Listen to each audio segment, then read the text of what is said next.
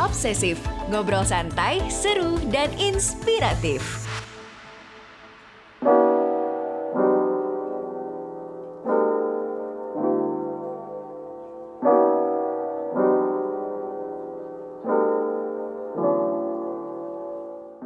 Halo teman obsesif, jumpa kembali di podcast Obsesif.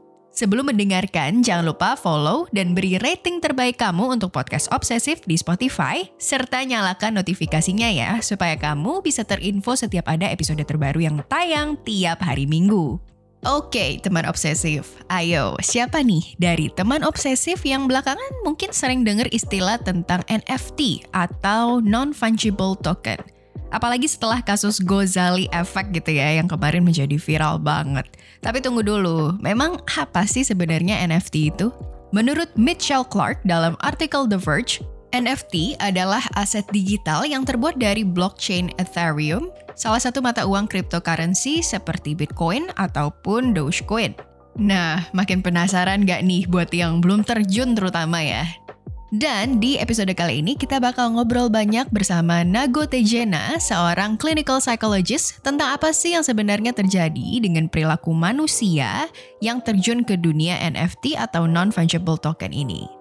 Yuk kita langsung simak saja bincang-bincang santai Nathanael pribadi, founder Logos ID dan Excool Indonesia bersama Nago Tejena berikut ini. Kamu peduli dengan kesehatan mental? Tenang, Anjaman Jiwa hadir menemani kamu dan akan ngebahas seputar kesehatan mental, mulai dari pekerjaan, percintaan, hingga sosial. Yuk dengerin podcast Anjaman Jiwa, persembahan Sonora KG Radio Network by KG Media. Hanya di Spotify. Tenang, kamu gak sendiri kok.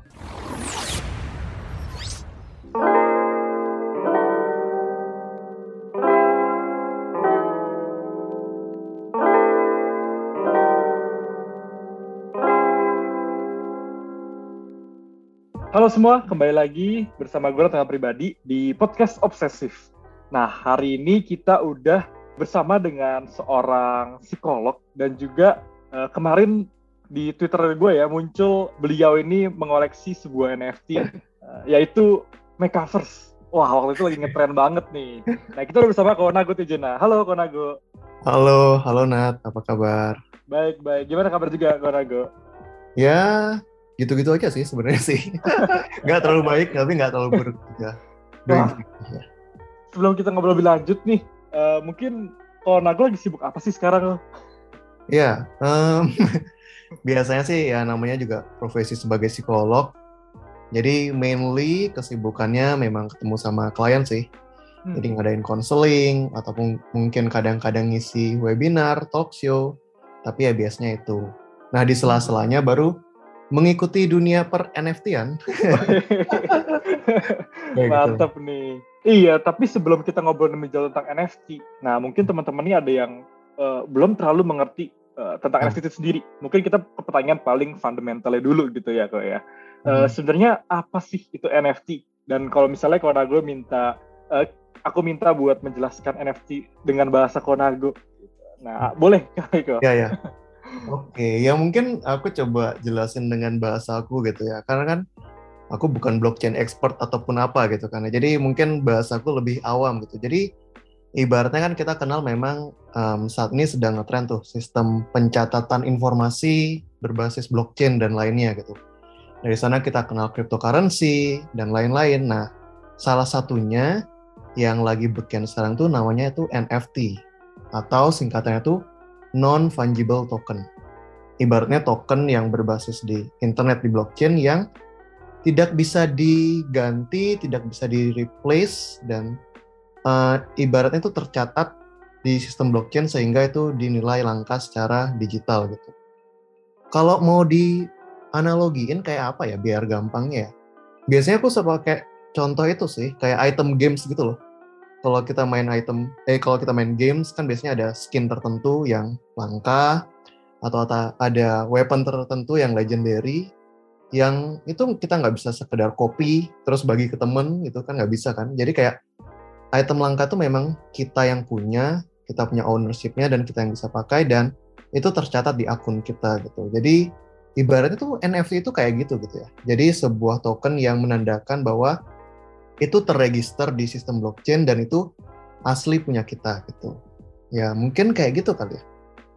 ya wah menarik banget sih. Dan use case sendiri ada di game juga ya kok. Kemarin uh, gue main sebuah game judulnya Bom Crypto ya. Jadi kita oh, beli iya. hero-hero ya ada rare, ada super rare, legend, terus kita bisa jual hero-nya, terus kita bisa dapat uh, apa uh, mining coin tokennya gitu. Oke. Okay. nah, uh, mungkin itu udah uh, tentang NFT itu sendiri. Nah, tapi kalau hmm. misalnya orang tanya gitu ya, kok, gimana? Apa sih yang harus kita persiapkan sebelum kita terjun ke uh, dunia NFT itu sendiri? Gitu? Apa yang perlu hmm. kita uh, lakukan atau persiapkan sih gitu? Iya, iya, iya. Jadi memang kan sebenarnya kebanyakan orang mungkin uh, tertarik dunia NFT ini karena ini juga sejenis investasi gitu kan ya modelnya kan ya. Kayak yang tadi aku bilang karena ini menandakan kelangkaan barang itu secara digital, makanya barang yang langka tuh mungkin biasanya value-nya naik gitu kan. Oleh karena itu ketika kita mungkin mau terjun di dunia NFT ini, yang pertama mungkin disiapkan tentu ya uh, modal gitu, uang gitu misalkan untuk memperchase NFT tersebut gitu. Tapi selain itu kita juga perlu paham akan uh, mungkin ekosistemnya gitu. Jadi kan ini memang berbasis blockchain gitu. Jadi mungkin kita perlu sedikit memahami dulu cryptocurrency itu seperti apa, sistem mengirim cryptocurrency seperti apa, dan yang aku rasa juga perlu kita pahami adalah bagaimana dunia digital ini beroperasi gitu. Ketemu orang di sini, apa yang kita harus perhatikan, berjaga-jaga, identitas diri, uh, privacy yang seterusnya tuh itu juga menjadi suatu hal yang penting gitu karena banyak orang teriming-imingi masuk dunia NFT dengan apa ya iming-iming duit yang banyak gitu dapat uang banyak tapi banyak juga yang kena tipu gitu di sini gitu karena ibaratnya dunia digital ini dunia di mana banyak orang anonim gitu kan ya kita nggak tahu siapa dia kita nggak tahu dia di belahan dunia mana jadi um, ibaratnya tindakan-tindakan kriminal dan juga yang bisa mengganggu satu sama lain itu banyak terjadi di sini. Gitu. Itu jadi juga harus dipersiapkan gitu secara mental dan juga persiapan privacy dan keamanan diri mungkin kayak gitu. Oke, menarik banget nih. Uh, dan juga sistem si cryptocurrency atau blockchain ini unik banget ya karena dia terdesentralisasi. Jadi kalau misalnya nah. kita uh, main game, kita beli sesuatu, ya datanya semua ada gitu. Kalau misalnya sekarang di NFT kita yang punya data sendiri, kita punya uh, hak haknya penuh di kita gitu ya ya. Benar, juga benar. jadi hal yang menarik.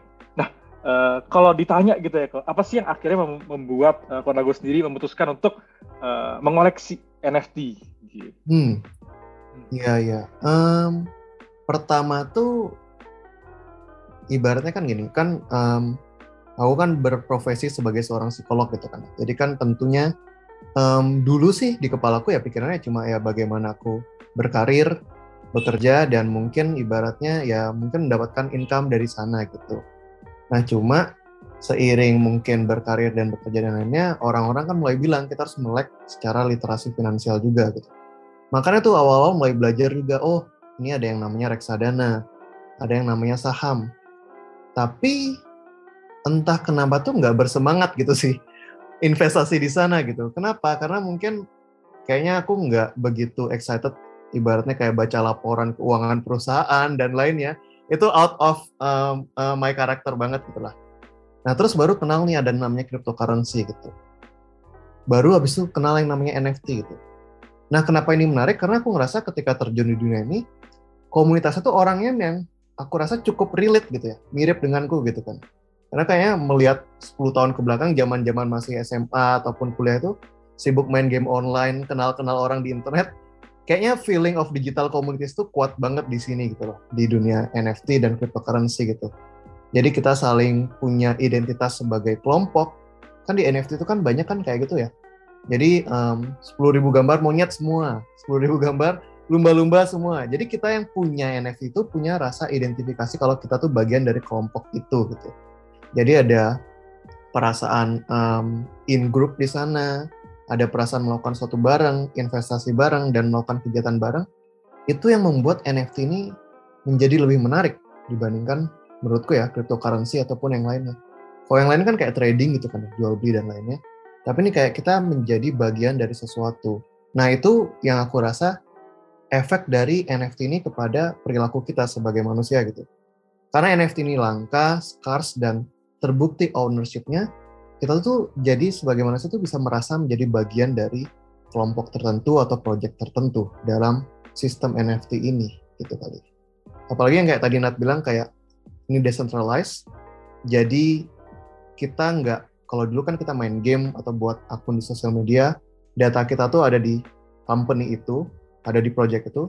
Tapi dengan itu kita masih tetap merasa memiliki bahwa ini punya kita. Semuanya berpusat kita dan kita menjadi memiliki autonomi ekstra gitu dalam berbagai perilaku kita di uh, dunia NFT. Gitu. Wah, menarik banget ya sense of community-nya itu ya, ya. Bener, Bisa bener. kalau anak-anak NFT, walk me, walk me gitu. Kacau emang. Dan bahkan uh, untuk uh, beberapa NFT sendiri tuh ada yang bikin meetup meetup offline dan kayak misalnya uh, board ape itu ya kemarin ya kayak yang di Bener, Dubai kayak wow bener-bener sampai bisa sedekat itu orang-orang yang punya NFT Iya. ya. kayak Itu- kayak apa sih perasaannya kayak kalau kita lihat komunitas tuh kayak apa sih kalau yang non digital kan kayak punya klub supercar gitu misalkan Hmm. atau enggak klub pecinta burung kayak gitu. Ya, Jadi sense of community tuh kayak gitu gitu sama Hmm. persis dan ini terverifikasi gitu. Lo memang benar-benar punya NFT ini, jadi lo memang bagian dari komunitas ini gitu. wah menarik banget. Nah mungkin tadi uh, Konago uh, memberikan contoh ada eh, NFT itu ada yang gambar uh, monyet, ada yang gambar lumba-lumba. Tapi kalau tanya lagi gitu ya kayak sebenarnya NFT itu apakah hanya berbentuk foto-foto yang lagi tenar tenar gini ya kayak si board ape atau segala macam atau sebenarnya ada bentuk-bentuk lain yang merupakan uh, NFT juga gitu. Oke. Eh, sebenarnya tuh NFT ini bukan gambar gitu kan. NFT ini kan suatu bentuk token eh, yang diproduksi secara sistem blockchain gitu. Nah, gambar tuh mungkin salah satu bentuk manifestasinya atau gambar tuh ibaratnya diletakkan di atas token tersebut gitu. Tapi dalam aplikasinya ke depannya nanti dan mungkin sekarang juga sudah mulai NFT ini eh, bisa dalam bentuk berbagai hal gitu. Pertama ya jelas gambar. Kedua video, ketiga ada musik, ketiga juga ada bisa sejenis kayak tiket atau pass gitu. Jadi kayak holders dari NFT ini bisa masuk ke klub ini atau yang sekarang lagi baru tuh dibuat tuh em, kalau nggak salah dari Gary Vee dan lainnya holder dari NFT ini bisa masuk ke restoran ini gitu. Jadi sistemnya adalah NFT ini membuat suatu hal yang digital tuh menjadi em, bisa terverifikasi dan itu bisa dinilai secara langka gitu, valuable gitu. Jadi bentuknya seperti apa? Saat ini sih mungkin masih yang terkenal ya gambar gitu ya, karena ini masih um, awal permulaan dari NFT. Tapi seiring mungkin kita manusia semakin berkembang di, di dunia teknologi ini, mungkin akan lebih banyak lagi nanti variasi-variasinya gitu. Kayak sistem membership pun kan sekarang kayak ada yang berbasis NFT gitu kan. Jadi misalkan nih um, kita um, influencer, content creator, kita bisa mengeluarkan NFT, entah mungkin keluarnya bentuk gambar ataupun bentuk lagu atau gimana, tapi itu merupakan um, bukti membership kita. Kita bisa kumpul bareng, hangout bareng, dan seterusnya. Gitu. Oke, ya menarik banget dan juga uh, yang lagi ngetren juga kalau nggak salah ini ya kau ya uh, kita bisa beli tanah virtual ya kan sekarang metaverse lagi dibikin gitu ya bener, bener. dan itu menarik banget sih uh, ternyata NFT itu dipakai eh dibeli gitu ya bukan hanya oleh individual tapi juga company-company kayak kemarin ada berita big four consulting firm mereka beli tanah di di desentral yang di mana gitu oke okay. ternyata use case-nya udah mulai uh, kelihatan lah ya gitu NFT ini bener bener Nah, ngomongin NFT lebih jauh, kita mungkin bisa melihat fenomena di Indonesia. Karena ini baru uh, lumayan super duper ngetren gitu ya. Bahkan sampai orang tua aku juga nanyain, NFT itu apa sih? Karena sesosok orang yang uh, bisa dibilang influence banget di bidang apa NFT Indonesia ini gitu ya, yaitu uh, Gozali ya. Nah, uh, si Gozali sendiri uh, mungkin dia bisa dibilang salah satu contoh yang paling uh, populer jadi orang uh, terjun ke dunia NFT saat ini gitu ya, terutama di Indonesia. Nah, bagaimana sih pandangan uh, Konago sendiri dengan uh, NFT uh, sebagai uh, easy money gitu ya kan si Gozali sendiri hmm. bisa dapat miliaran dari NFT dengan foto-foto selfie gitu. Iya, iya, iya. Um, ya memang satu sisi itu bagus untuk meningkatkan kesadaran kita akan pentingnya tahu gitu ya ada sesuatu yang namanya NFT dan um, kita mungkin cukup tertarik karena fenomena Gozali ini untuk mempelajari itu. Sama sih kayak Nat urusan mama aku juga habis ngeliat Gozali ini langsung nge-WA gitu. Gue beliin mama NFT gitu. Tapi dia nggak tahu itu apa sebenarnya gitu kan. Tapi karena seru banget, jadi kayak semua um, pengen tahu gitu. Um, kalau dibilang easy money sebenarnya banyak sih ya memang orang yang mendadak ibaratnya kaya gitu kan ya di uh, dunia NFT ini tapi secara persentase mungkin ya kecil banget gitu kan ya. Uh, ada hal atau faktor yang mungkin berkontribusi kenapa Gozer itu bisa ramai banget. Ada juga mungkin yang orang seperti dia yang mengupload berbagai karyanya tapi juga sampai kapan pun kayak membusuk gitu di blockchain gitu. Diam di sana terus tapi nggak uh, uh, naik-naik gitu. Jadi aku rasa um, memang bisa dibilang ibaratnya terjun di dunia NFT ini bisa mungkin mendatangkan uang dalam um, usaha yang cukup mudah, tapi aku rasa kita nggak bisa terlalu mengandalkan itu. Pertama dan kedua, mungkin secara nggak sadar tuh itu bisa membuat kita menjadi ibaratnya tergantung gitu sama situasi ini. Karena aku ngelihat nih ya banyak situasi di mana beberapa kenalanku dan temanku ngelihat gampang banget dapat uang dari NFT itu setiap hari tuh mereka grinding mulu di Twitter, di Discord dan lainnya sampai ngelupain mungkin pekerjaan mereka di dunia nyata gitu. Karena diam-diam dapat satu ETH gitu, siapa yang nggak mau gitu kan. Jadi satu sisi itu memang uh, dapat uang dengan jumlah banyak, tapi satu saat itu kadang ngerusak diri kita gitu. Kita menjadi ibaratnya um, melemparkan semua tanggung jawab kita ke investasi ini yang kadang kita nggak tahu itu akan berhasil atau enggak gitu. Jadi ya uh, banyak faktor yang bisa mungkin melibatkan kesuksesan itu tapi aku rasa ya namanya kita manusia nggak bisa sepenuhnya bergantung pada hal ini jadi perlu ada keseimbangan juga sih jangan diam-diam mengharapkan easy money Yep, itu perlu di notes tuh ya teman-teman. Dan juga kalau tadi uh, teman-teman bingung satu ETH itu apa? Jadi ETH itu mata uang di cryptocurrency ya, yang market cap-nya kedua terbesar setelah Bitcoin. Gitu. Ya. Biar teman-teman nggak bingung nih. Nah, nah uh, selanjutnya dari tadi kita ngomongin hal-hal yang mungkin menarik dari NFT, hal-hal yang uh, baik gitu ya dari NFT. Tapi sebenarnya uh, ada kontroversi-kontroversi juga sudah dibilang NFT gitu ya. Salah satunya adalah uh, money laundering. Ya, hmm. Karena uh, sifat yang nggak uh, dalam bentuk fisik atau gimana. Nah, uh, mungkin boleh dong minta pendapat Konago terhadap uh, NFT as a money laundering. Uh, ya. ya. Oke. Okay. Jadi um, dunia NFT dan cryptocurrency ini kan dunia yang perkembangannya begitu cepat gitu kan ya ibaratnya dan aku rasa um, hukum kita baik di Indonesia ataupun di luar tuh belum mampu untuk cukup keep up dengan perkembangan teknologi ini gitu.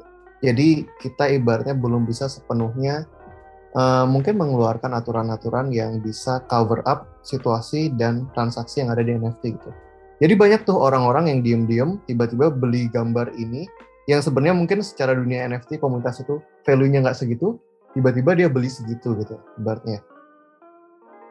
Banyak dicurigai bahwa mungkin itu melakukan self trade gitu, kayak jadi kayak dia jual ke dirinya sendiri sebanyak 100 Ethereum gitu. Uh, tapi di sistem blockchain kan kelihatannya beda, dia melakukan pembelian tuh atau penjualan itu. Gitu. Jadi memang sebenarnya di dunia NFT ini yang kayak gitu cukup banyak sih ya.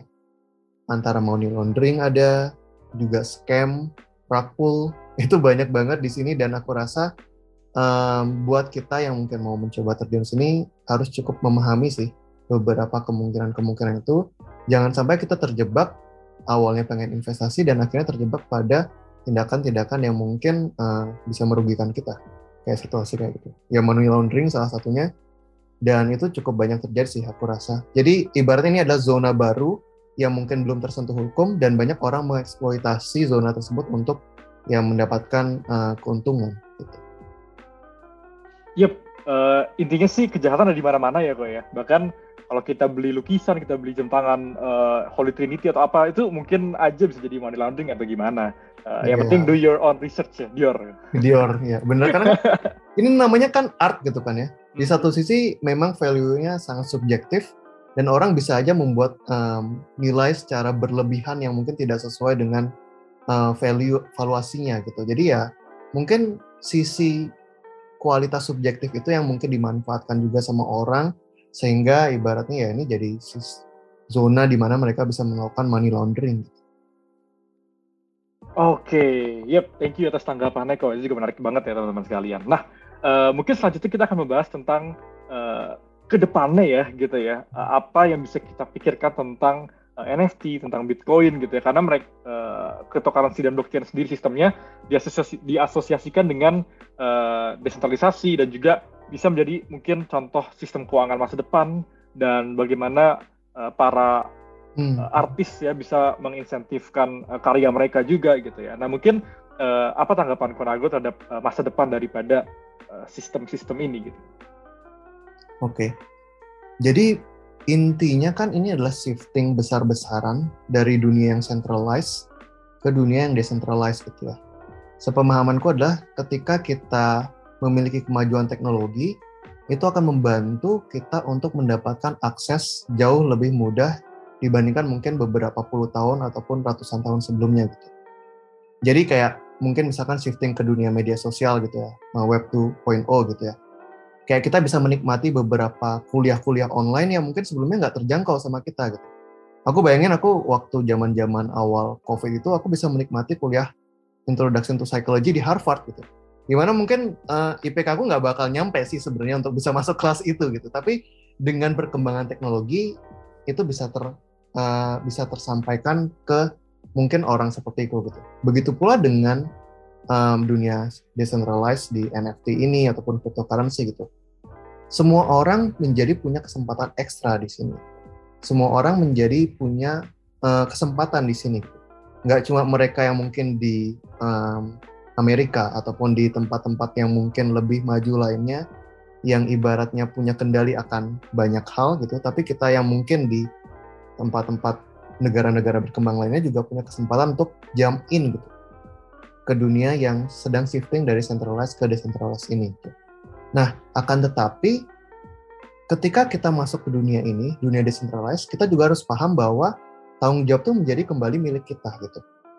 Bayangin gini, kalau kita kena scam di dunia nyata saat ini dan uang kita di bank itu diambil, itu kita bisa lapor protes ke banknya gitu kan.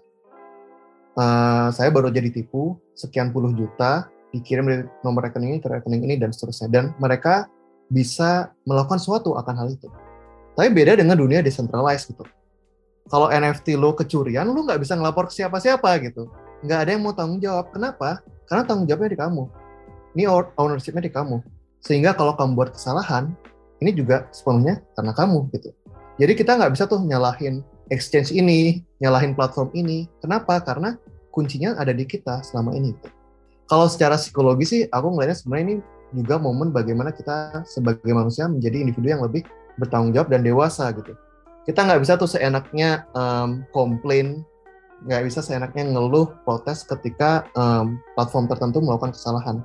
Kenapa? Karena pada di dunia decentralized nanti, entah itu tanggung jawab akan keuangan kita, kepemilikan barang kita, perilaku kita di uh, dunia NFT ini dan lainnya, itu semuanya akan menjadi tanggung jawab kita gitu. Jadi sekarang sih kita masih meraba-raba ya. Ibaratnya ini kan dunia NFT masih dalam bentuk percobaan dan mungkin primitif gitu ya. Tapi aku cukup uh, excited sih melihat bagaimana kita sebagai masyarakat atau society pelan-pelan mulai turn in ke sini dan melihat bagaimana um, ini bisa menjadi bentuk baru gitu ya dari society kita secara digital gitu. Karena kalau sekarang kan uh, kita masih berkutat di media sosial, orang mengatakan mungkin selanjutnya pindahnya ke dunia ya metaverse dan NFT ini gitu. Oke, okay, yep, uh, menarik banget dan juga uh, bagi teman-teman yang belum tahu, NFT itu sendiri bukan cuma buat uh, mungkin investasi, koleksi, tapi juga bisa uh, for charity juga gitu ya. Dan ini ngebantu banget, banyak, ngebantu banyak banget orang-orang di kehidupan sosial kita gitu ya. Jadi kalau kemarin aku lihat ada anak umur 12 tahun, dia ngebuat NFT bisa kumpulin berapa juta dolar, akhirnya dia sumbangin untuk uh, preserve uh, belugis gitu ya, uh, nah, paus iya. itu kayak, wah oh, sebenarnya ke depannya itu bakal interesting banget kita melihat NFT gitu ya karena bakal banyak uh, banget ya hal-hal yang baru yang bisa dilakukan untuk uh, ke kepentingan bersama juga melalui NFT ini gitu ya. Bener bener bener. Jadi kayak ibaratnya ini tuh uh, menghilangkan kebutuhan apa sih perantara gitu hmm. dari seseorang ataupun artis, seniman ataupun orang yang memiliki visi bagus kepada orang-orang di sekitarnya gitu. Kalau dulu mungkin kita mikirin bagaimana kita harus ngirim donasi ke sini, ditransfer ke sini dan lainnya sekarang dengan adanya NFT kita bisa benar-benar uh, mengkat perantara itu sehingga kita bisa membantu orang tuh secara langsung gitu. Gak ada tuh platform perantara ngirim ke sini baru dikirim ke sini. Dengan begini kita bisa ngeliat pertanggungjawabannya secara langsung gitu. Karena itu kan kelihatan di blockchain ya nih. Ketahuan nih kalau dia misalkan habis itu ngirim ke rekening pribadinya. Tapi ketahuan juga kalau dia bisa benar-benar menyalurkan tuh ke dana ataupun uh, tempat penampungan donasi itu. Jadi memang ibaratnya ini bisa sangat membantu kita, mungkin para um, kreator ataupun para inisiator yang punya mimpi-mimpi atau vision yang bagus, tapi saat yang bersamaan kita sebagai penggunanya juga tentu berarti harus lebih um, mendalam lagi risetnya gitu, karena banyak juga orang-orang yang mungkin menggunakan ini untuk kepentingan yang tidak baik. Yep, Wah, ini kita udah ngobrol-ngobrol selama 20 menit sampai 25 menit lebih uh, tentang NFT dan gak sabar banget ya sebenarnya ngelihat uh, ke depannya uh, si NFT ini kayak gimana. Apalagi uh, kalau kita lihat ya perusahaan-perusahaan besar seperti uh, Facebook yang menjadi Meta, Apple semua udah mulai uh, beralih ke uh, metaverse dan NFT juga gitu ya dan wah sepertinya beberapa tahun ke depan akan uh, interesting banget lah. Oke. Okay. Thank you banget buat Konago yang masih mau diajak ngobrol-ngobrol nih awal tentang NFT. Kita belajar banyak banget dan mendapatkan insight yang menarik gitu ya.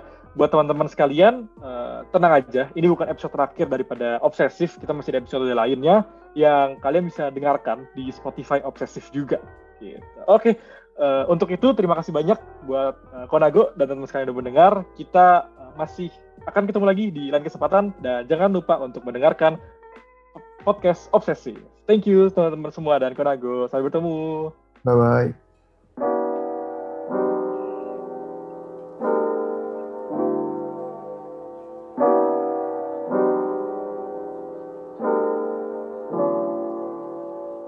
Setelah mendengar perbincangan tadi gimana? Kamu jadi lebih tertarik dengan dunia NFT atau malah jadi segan nih untuk terjun ke sana?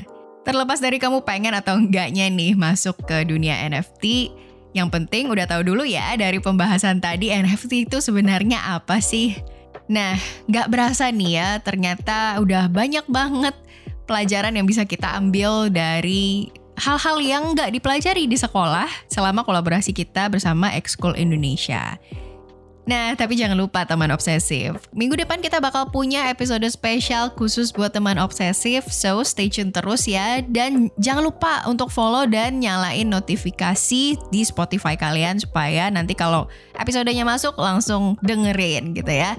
Tapi kejutannya nggak berhenti di situ aja nih teman-teman obsesif. Karena di hari Minggu nanti tanggal 27 Februari 2022 kita akan mengadakan live Instagram bareng foundernya Excool Indonesia Indonesia yaitu Nathanael pribadi dan kalian boleh banget untuk join dan tanya-tanya banyak hal terutama soal beberapa episode kita yang sudah lewat kemarin dan kolaborasinya seperti apa gitu ya. Makanya biar nggak ketinggalan teman obsesif mendingan sekarang langsung menuju Instagram masing-masing ya dan follow at Medio by KG Media nanti infonya semuanya ada di sana gitu ya. So, akhir kata, aku Ellen Bellion dan segenap kru obsesif pamit undur diri. See you on the next episode.